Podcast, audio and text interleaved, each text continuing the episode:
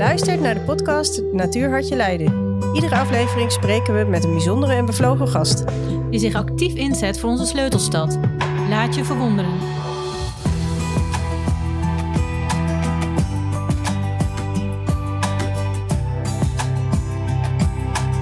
We spreken vandaag met een in Leiden geboren en getogen activiste... die op vele manieren probeert dierenrechten te verbeteren. Nancy de Heer is oprichter en eigenaar van de stichting Stem voor Dieren... waarmee ze aandacht vraagt voor het lot van dieren in de bio-industrie... in de entertainmentindustrie en voor dieren die worden gebruikt en misbruikt voor menselijke behoeften. Dat doet ze door het opleveren van rapporten, door politici in Den Haag te benaderen en door rechtszaken te voeren tegen bedrijven of personen die de wet aan hun laars lappen en dieren aan hun lot overlaten. Bewustwording is een belangrijk thema in haar werk, vooral voor kinderen die ze graag willen leren verantwoordelijk te zijn voor de dieren in hun omgeving.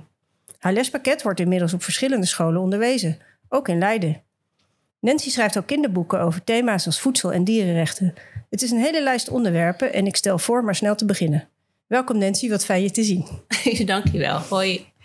Um, in de inleiding noem ik heel veel activiteiten waar je achter staat en waar je mee bezig bent met je stichting of jijzelf. Uh, hoe zou jij jezelf typeren? Mezelf of mijn uh, activisme? Je mag zelf het onderscheid maken daar waar je wil. Ik denk dat ik mezelf het best kan omschrijven als een uh, vechter. Vechter? Ja. Dat, dat is één woord, vechter. Ik vecht tegen het dierenleed en tegen onrecht in het algemeen. Oké. Okay als een vechter. Ja. En uh, hoe uitzicht dat uh, over het algemeen? Nou, door nooit op te geven. Okay. Het is heel moeilijk in deze wereld van uh, al dat dierenleed, vooral in de intensieve veehouderij, momenteel waar ik veel mee bezig ben in mijn stichting, om een poot tussen de deur te krijgen. Dat is gewoon heel lastig, want de economie, ja, die uh, die, do, die, doet het het best met veel dierenleed. Hè? Ik bedoel, in de intensieve veehouderij gaan er zoveel dieren om en zoveel geld om dat het ex, de export naar China bijvoorbeeld van de dieren, dat dat, dat altijd voorgaat. Ja. En, en, binnen het kabinet is er nu sprake van dat de veestapel gehalveerd moet worden, maar niet omdat het dierenleed is, maar omdat het stikstofprobleem er is. Gelukkig is dat er dan, denk ik.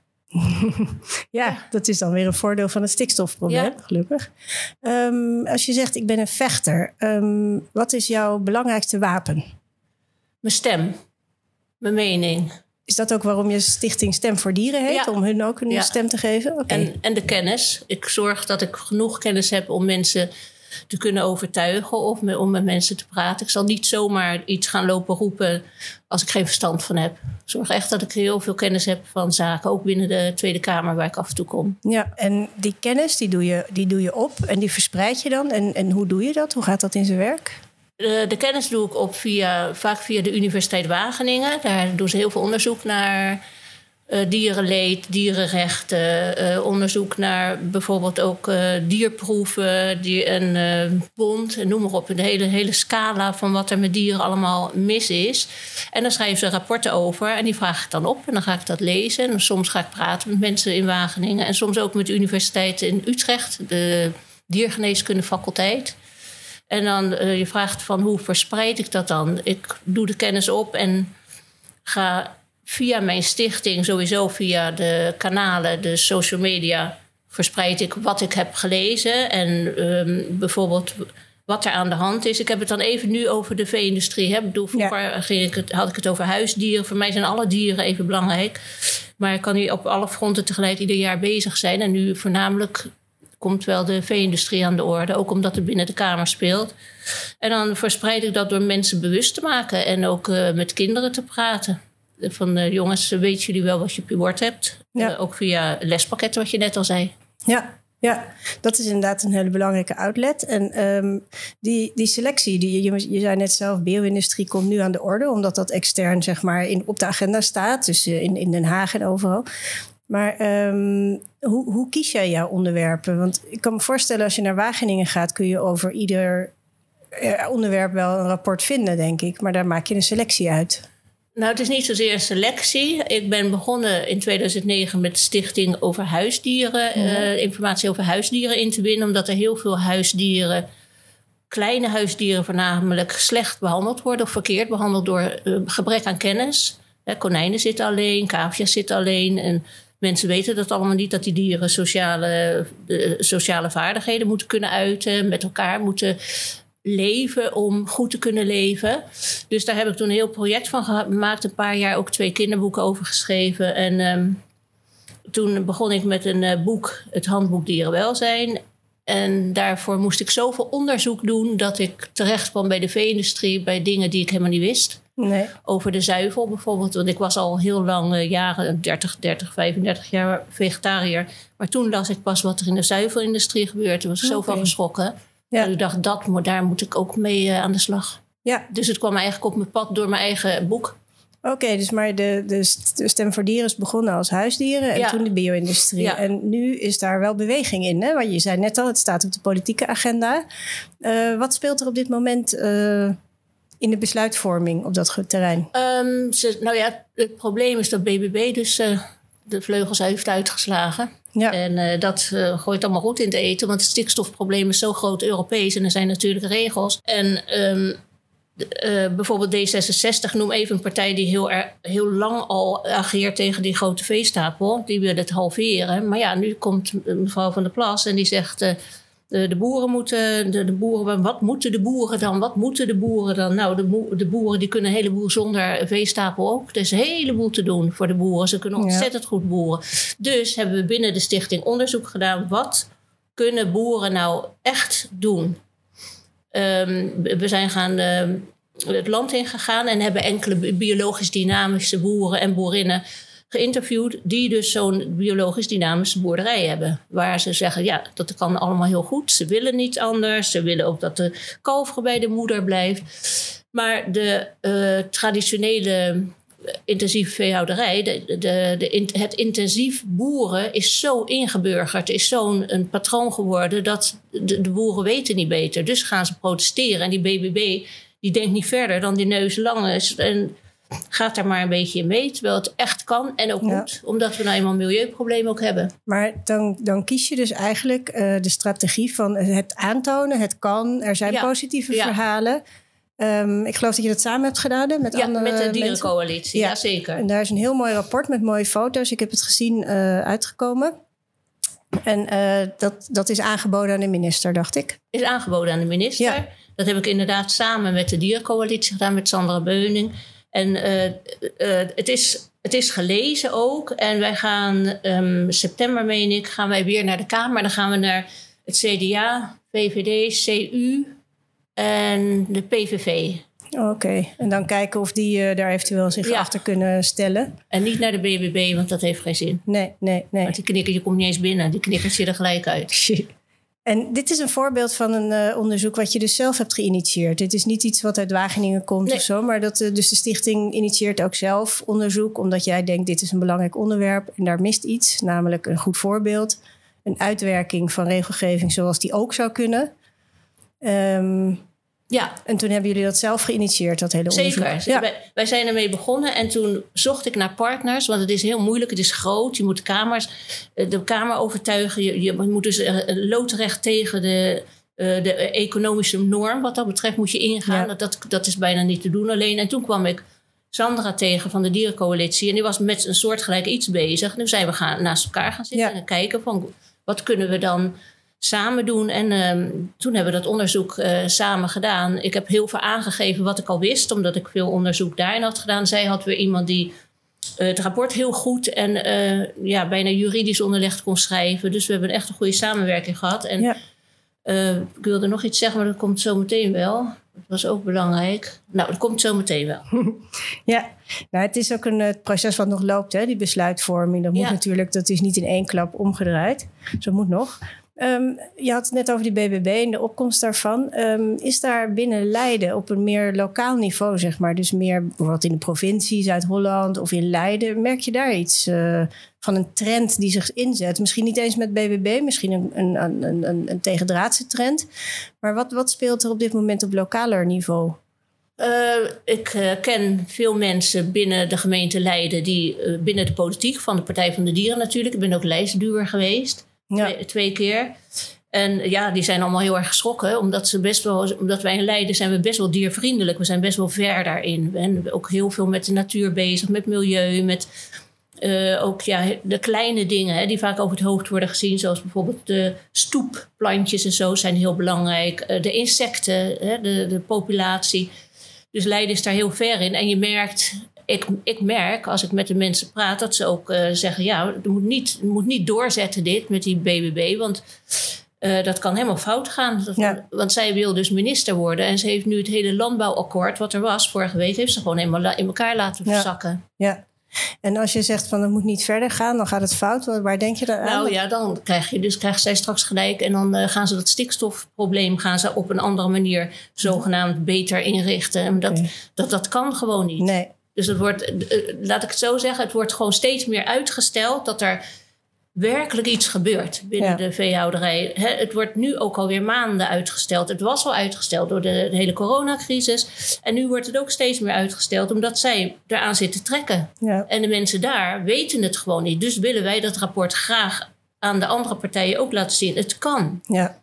En wij willen het in een positief iets Ja. gooien. We willen niet op negatieve manier willen we het. Want we kunnen alle rottigheid wel gaan noemen. Er, is zoveel, eh, vrees, er zijn zoveel vreselijke dingen in die intensieve veehouderij. Die zijn zo erg. Die, zijn, die, die kunnen het daglicht niet verdragen. Maar het heeft geen zin om dat boven water te halen. Omdat iedereen dat weet. Ja. weet. Binnen, de, binnen de, eh, Den Haag weten ze allemaal Ja. hoe het zit. Ja. Dus willen wij de positieve kant kiezen. Zeggen, echt onze boeren kunnen heel goed boeren zonder zo'n grote veestapel. Als die hele intensieve veehouderij gehalveerd wordt. eh, het kan gewoon zo niet langer. Nee, nee. En dit is dus eigenlijk een onderwerp waar dierenwelzijn raakt aan eh, stikstofproblematiek. Ja, wat, ja. Wat, wat ook breder is dan alleen maar de dieren, maar ook de planten raakt en de mensen raakt. Zeker. En uiteindelijk het klimaat raakt en alles raakt. Het water, Ehm. ook het, eh, het grondwater, alles, het, alles wordt aangetast. Alles Ja. wordt aangetast. Ja. En toen je net zei, hè, van, eh, ging ik naar de gemeente en er zijn dan mensen die zeggen: Goh, ik wist helemaal niet dat het zo erg was. En wat erg als je dat kon vertellen. Die bewustwording, dat is een, een, een, een- een onderdeel van jouw werk wat heel belangrijk is. Dus eh, niet alleen naar kinderen, daar komen we zo op, maar ook naar eh, andere mensen. Om mensen bewust te maken van wat er eigenlijk gebeurt. Alle verstopte leed achter de melkflessen en achter de biefstukken ook. Wat erachter gaat. Kun je daar iets meer over vertellen? Hoe Ja, doe je hoor. dat? Ja, eh, nou, ik doe dit ook in het klein. Als ik, eh, ik ben toevallig volgende week uitgenodigd op een barbecue bij een schoondochter van me. Nou, dat vind ik verschrikkelijk, want die eten vlees. En dat doe ik niet. Maar toen dacht ik, als ik het nou eens wel doe... en de hele tuin zit vol met mensen die vlees eten. En ik eet dat natuurlijk niet. Ik neem ook mijn eigen barbecue mee. Ik ga niet Ja. tussen die dode dieren mijn spullen leggen. Nee. En toen ben ik dat te gaan overleggen met een vriend. Toen zegt hij, dan ga ik mee. Die is ook diehard veganist. Dan ga ik mee. En dan gaan wij samen gaan we praten met die mensen. Er zijn ook jonge gasten bij. Van die knullen van 18, 15 jaar. En eh, dan gaan wij dus gewoon eh, daarover praten. Ze zullen vragen van, eh, goh, goh, waarom eet jij dan geen vlees? En dan gaan wij dat op een rustige manier gaan wij vertellen waarom. En, want er zijn echt heel veel mensen, ook jonge mensen, die weten niet wat er allemaal aan de hand is. Die weten het echt niet. Nee. En zo gaat het dan bij. ik geef als een lezing en dan vertel ik ook wat er aan de hand is van. wat is er, wat jij net zegt, wat zit er dan achter dat prachtige pak melk met die vrolijke koe die nog net geen sprongetje maakt? Ja, er zit één hap ellende achter. Ja. En Ja. dat- ik probeer En- het uit te dragen en hoe- zoveel mogelijk. En hoe voorkom je dan op zo'n bar- barbecue eh, dat je daar wordt gezien als eh, heb je haar weer met haar eh, horrorverhalen en zit niet zo te zeuren Ja. en we willen een leuke avond hebben. Hoe breng je dat? Ja, nou dat heb ik geleerd oké. in de loop der tijd. Maar ik denk dat veel mensen daarmee zitten. Dus het is echt wel een serieus punt. Want heel veel mensen willen graag wat zeggen, maar weten niet hoe, hoe ze zichzelf ja, een beetje overtuigend eh, kunnen, kunnen uiten, zeg maar. Ja, dat is heel moeilijk Ja, hoor. dat is echt moeilijk. Dat is heel moeilijk. Ik, ik, eh, ik doe het nu op een heel andere manier. Ik laat de mensen vragen stellen. En ik geef antwoord op de vraag. En ik ga niet lopen zwaaien met eh, varkentjes met afgeknipte staarten enzovoort. Ik zeg dan van, goh, je kan er echt een heleboel over vinden op die en die website als je het echt wil weten. Want het is, niet, het is echt, hele nare dingen gebeuren daar. Maar daar heb ik geen zin in om dat op een barbecue. Tuurlijk heb ik daar zin in, maar dat, dat vinden die andere mensen ook minder leuk. Zeg. Tuurlijk, maar Ja. ik, ik verpest de hele sfeer. Ik Ja. bedoel, Je krijgt een soort spanning en zo. Heb ik wel meegemaakt. Dat deed ik niet goed. Nee. Ik, ik heb dat moeten leren. Ja. Gewoon door te vallen en weer opstaan. Ja.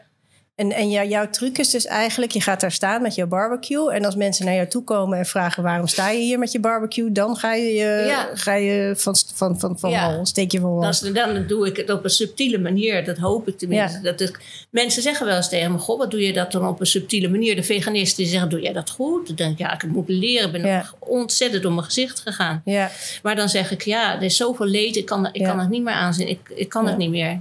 Maar je bent ook effectiever, denk ik, als je mensen rustig eh, Ja. hè, aan het woord laat en ze zelf tot een conclusie eh, laten komen van hé, hey, dit is eigenlijk niet wat ik ook wil, zeg maar. Dit is iets wa- waar ik ook niet achter kan staan. Dat werkt natuurlijk ook veel beter dan dat je gaat zeggen van joh, hou eens op met dat vlees gegeten en eh, je bent slecht bezig. Ja, Dan gaan mensen in de contramine.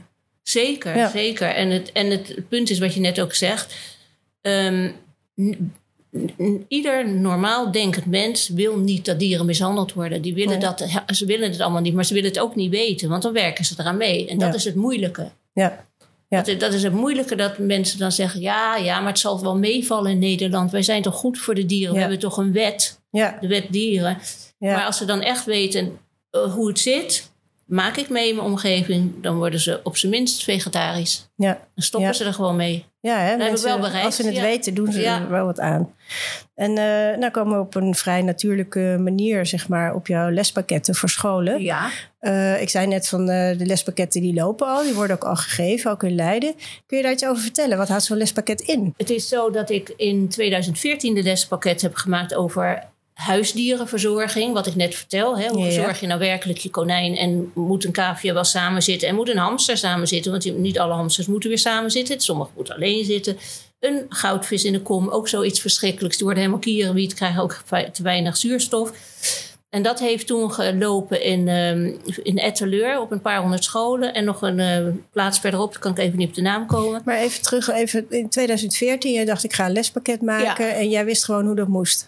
Eh, nee, ik heb didactische ingeschakeld. Ja, ja. Ik heb het wel gemaakt, helemaal. Ik Dus je heb hebt dat helemaal- weer in een teamverband. Ja. Mensen die weten wat ze doen, erbij gehaald. En op die manier gestart met een, eh, met Ja. een lespakket. Omdat je dacht, daar mist iets. En zo kunnen we kinderen bewust maken. Ja, en Ja. wat belangrijk is dat je voor de juiste leeftijdsgroep doet. En, Ja. en wat lezen die kinderen dan al? En wat begrijpen ze al? En kan, kan je dat wel eh, zo vertellen? De kerndoelen zijn erg belangrijk van de scholen. Dus dat heb ik allemaal onderzocht. Daar ben ik Ja. ook echt heel lang mee bezig geweest hoor. Voordat ik dat eh, op een rijtje had. Ja. En eh, eh, nou ja, toen heb ik een poosje niet, geen lespakket gemaakt. En ben ik begonnen met Animal Rights. En die kwam met een pakket. Hoe heette dat ook weer? Mogen wij vlees eten, heette dat. Dat is twee jaar geleden. En dat heb ik zelf aangevuld met dingen. Maar ik vond het een beetje te heftig. Want het was echt heel confronterend. Kinderen zagen dus, wat, waar we het net over hebben... wat kinderen eigenlijk niet moeten zien is... Met, kinderen moeten het zelf gaan opzoeken. Dat wil Ja. ik. Ik wil dat kinderen de- de vraag krijgen, heel, even heel globaal... wat ligt er nou eigenlijk op je bord als je een stukje kipfilet hebt of zo? Of een carbonaatje, wat is dat dan? En dan wil ik dat de kinderen het zelf gaan opzoeken... en er vanzelf achter komen op een natuurlijke manier. Want ze zitten toch op internet, ze kunnen alles opzoeken... waar dat vandaan komt en dan Ja. denken... wat is dat? Ook om te voorkomen dat ze geconfronteerd Ja. worden met dingen waar ze nog niet mee eh, geconfronteerd zouden moeten worden. Ja, of gelijk, gelijk zo'n diepe. Ik denk dat het ook niet werkt, dat ze schrikken. Ja.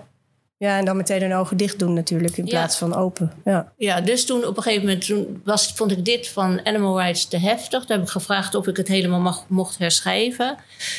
En dan, toen ben ik met iemand in zee gegaan die schoolpakketten maakt. En eh, toen hebben wij samen gewerkt vorig jaar. En toen hebben we het genoemd veganisme heel natuurlijk. Maar ik, ik, ik wil het eigenlijk noemen plantaardig heel natuurlijk. Weet het nog niet. En dat, dat loopt in pilots nu. Oké. Het is nog niet eh, actief als schoolpakket. Dat, dat hopen we dus in eh, augustus, nee, oktober natuurlijk, nieuwe schooljaar te lanceren. Maar het is wel een pilot nu. Dus we krijgen straks de, de resultaten van, van de leerkrachten. Van, goh, dat is leuk. Of Ja. misschien moet het een beetje zus of zo. En waar lopen die pilots? Is er ja, er zijn twee scholen in Leiden en in de Etteleur een paar. Oké, ja. Ja, Dus eh, dan horen wij, dus dat heb ik toen ook gedaan, van eh, dus de leerkrachten weten meer dan wij.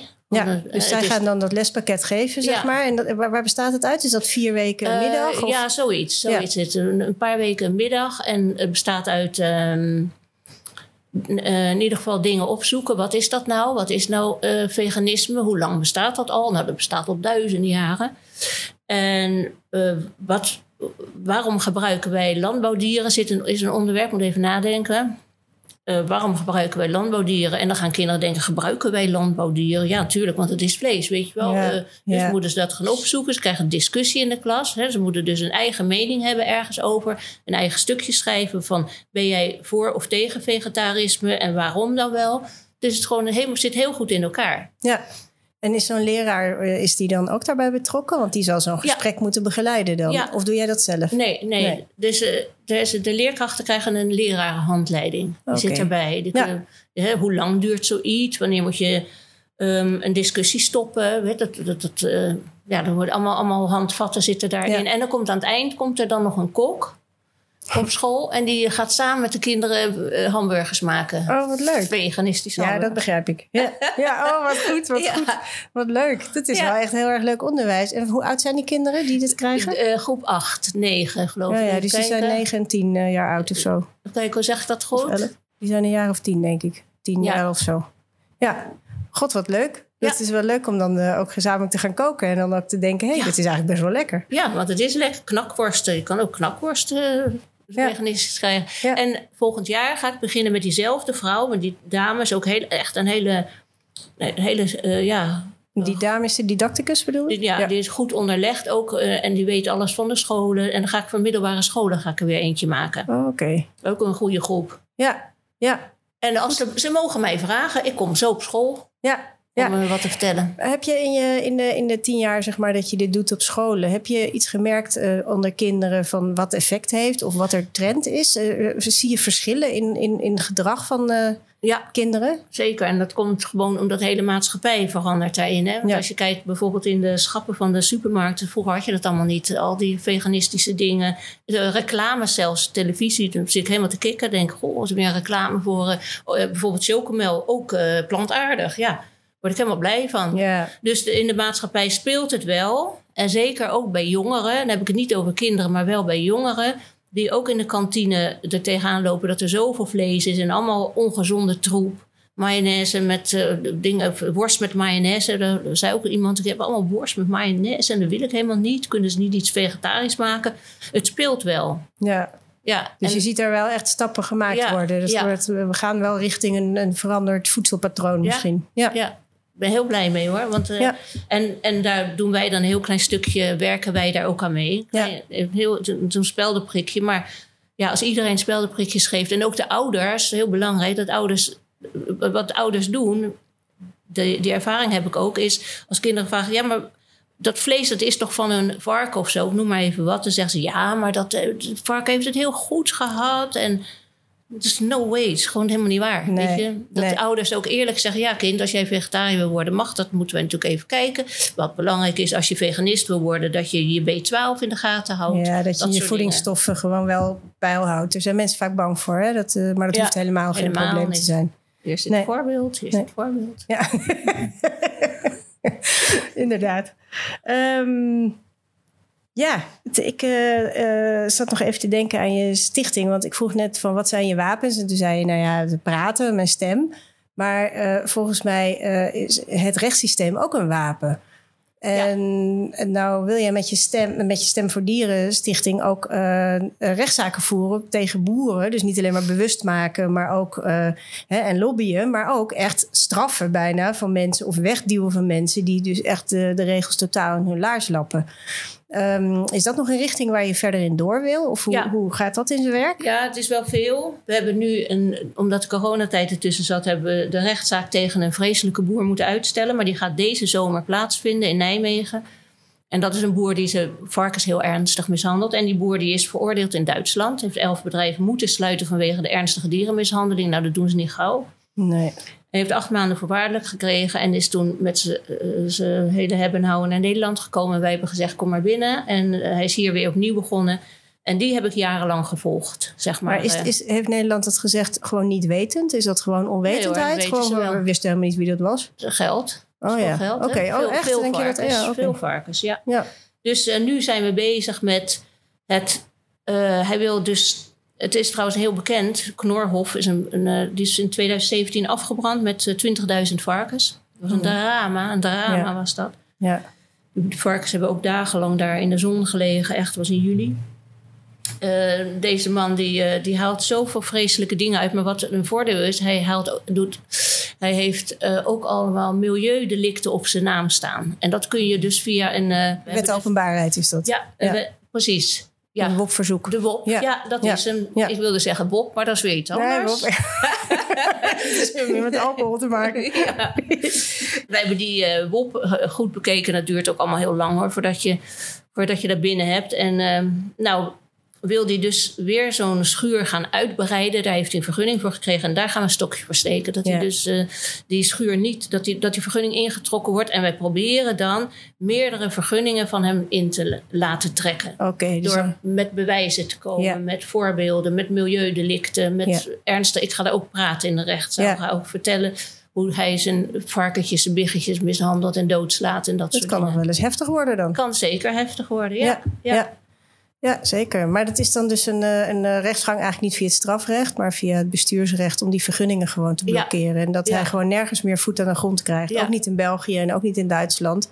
Zou eigenlijk Europees natuurlijk moeten. Zou helpen. Ja. Dat, en dat wil ik ook. En wij hebben natuurlijk in Duitsland eh, hebben we die hele verordening of die hele eh, Veroordeling. veroordeling hierheen gehaald en Ja. we hebben hem laten vertalen. Ja, En daarin lees je ook wat hij allemaal geflikt heeft. Het is gewoon een Ja. vreselijke man.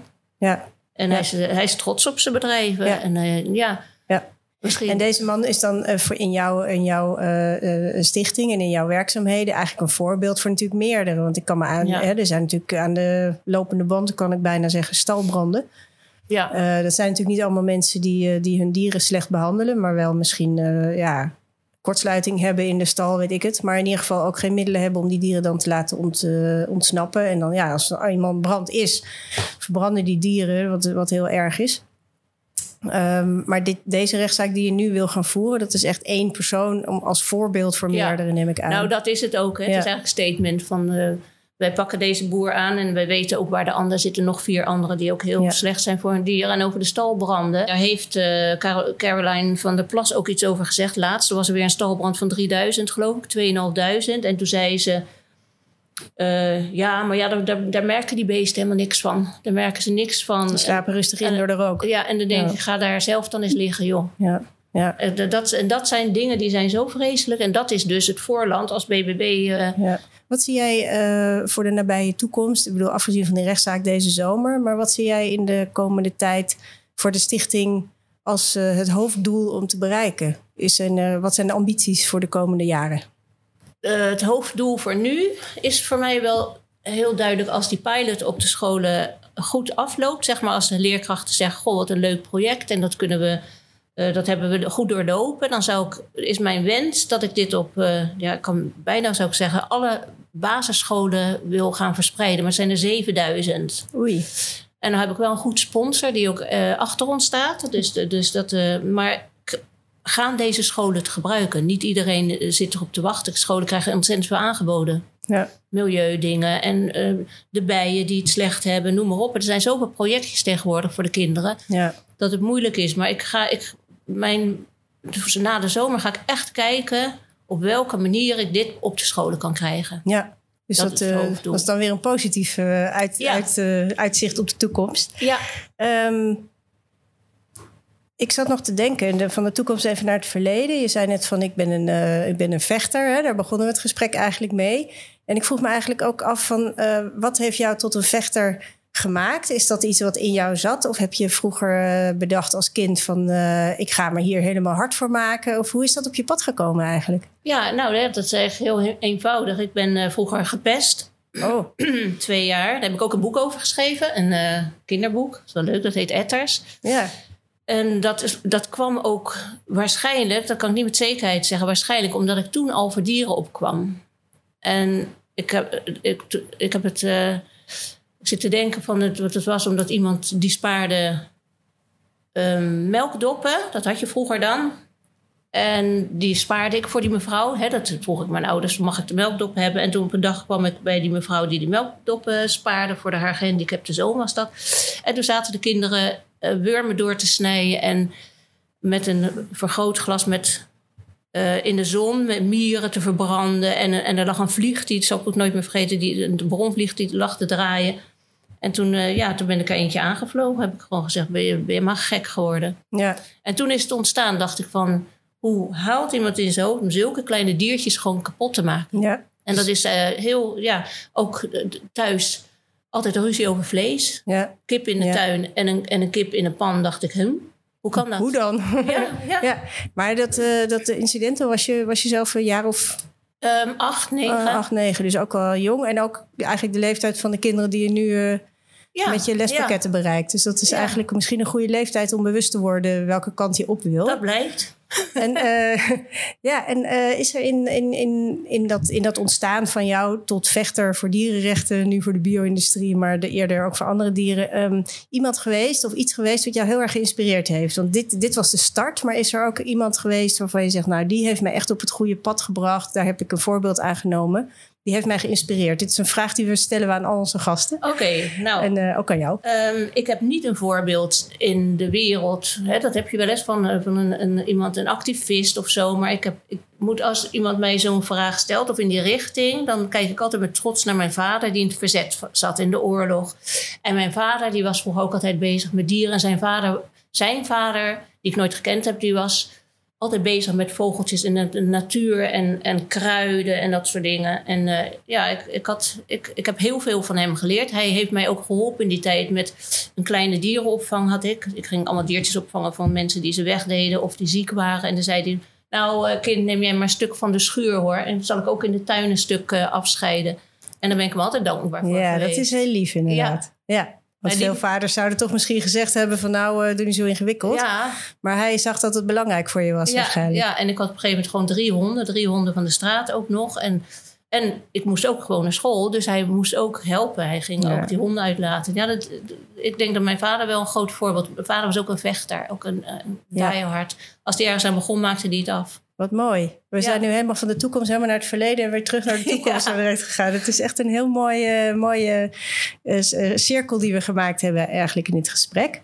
Dus eh, ik denk dat we aan de tijd zijn en ik ga afsluiten. Dus jou heel erg bedanken voor dit enorm leuke gesprek. Ik denk dat veel mensen inspiratie eruit kunnen halen van hoe pak je nou zoiets aan? Hoe kies je je doelen? En ik wilde ook even voor de luisteraars zeggen dat alle boeken en alles die jij noemt, dat we die op de website eh, vermelden. Dus eh etters en de boeken over eten en over hè, dat soort dingen. Eh, Ook het rapport. Eh, die zijn allemaal via onze website gewoon eh, te vinden. Nou, dankjewel. Ja, nou Ja, jij heel erg bedankt. Heel veel succes met je stichting en in je verdere werkzaamheden. Oké, dankjewel. Bedankt voor het luisteren. Voor meer informatie of het stellen van vragen kun je terecht op onze website natuurleiden.nl. Graag tot de volgende keer.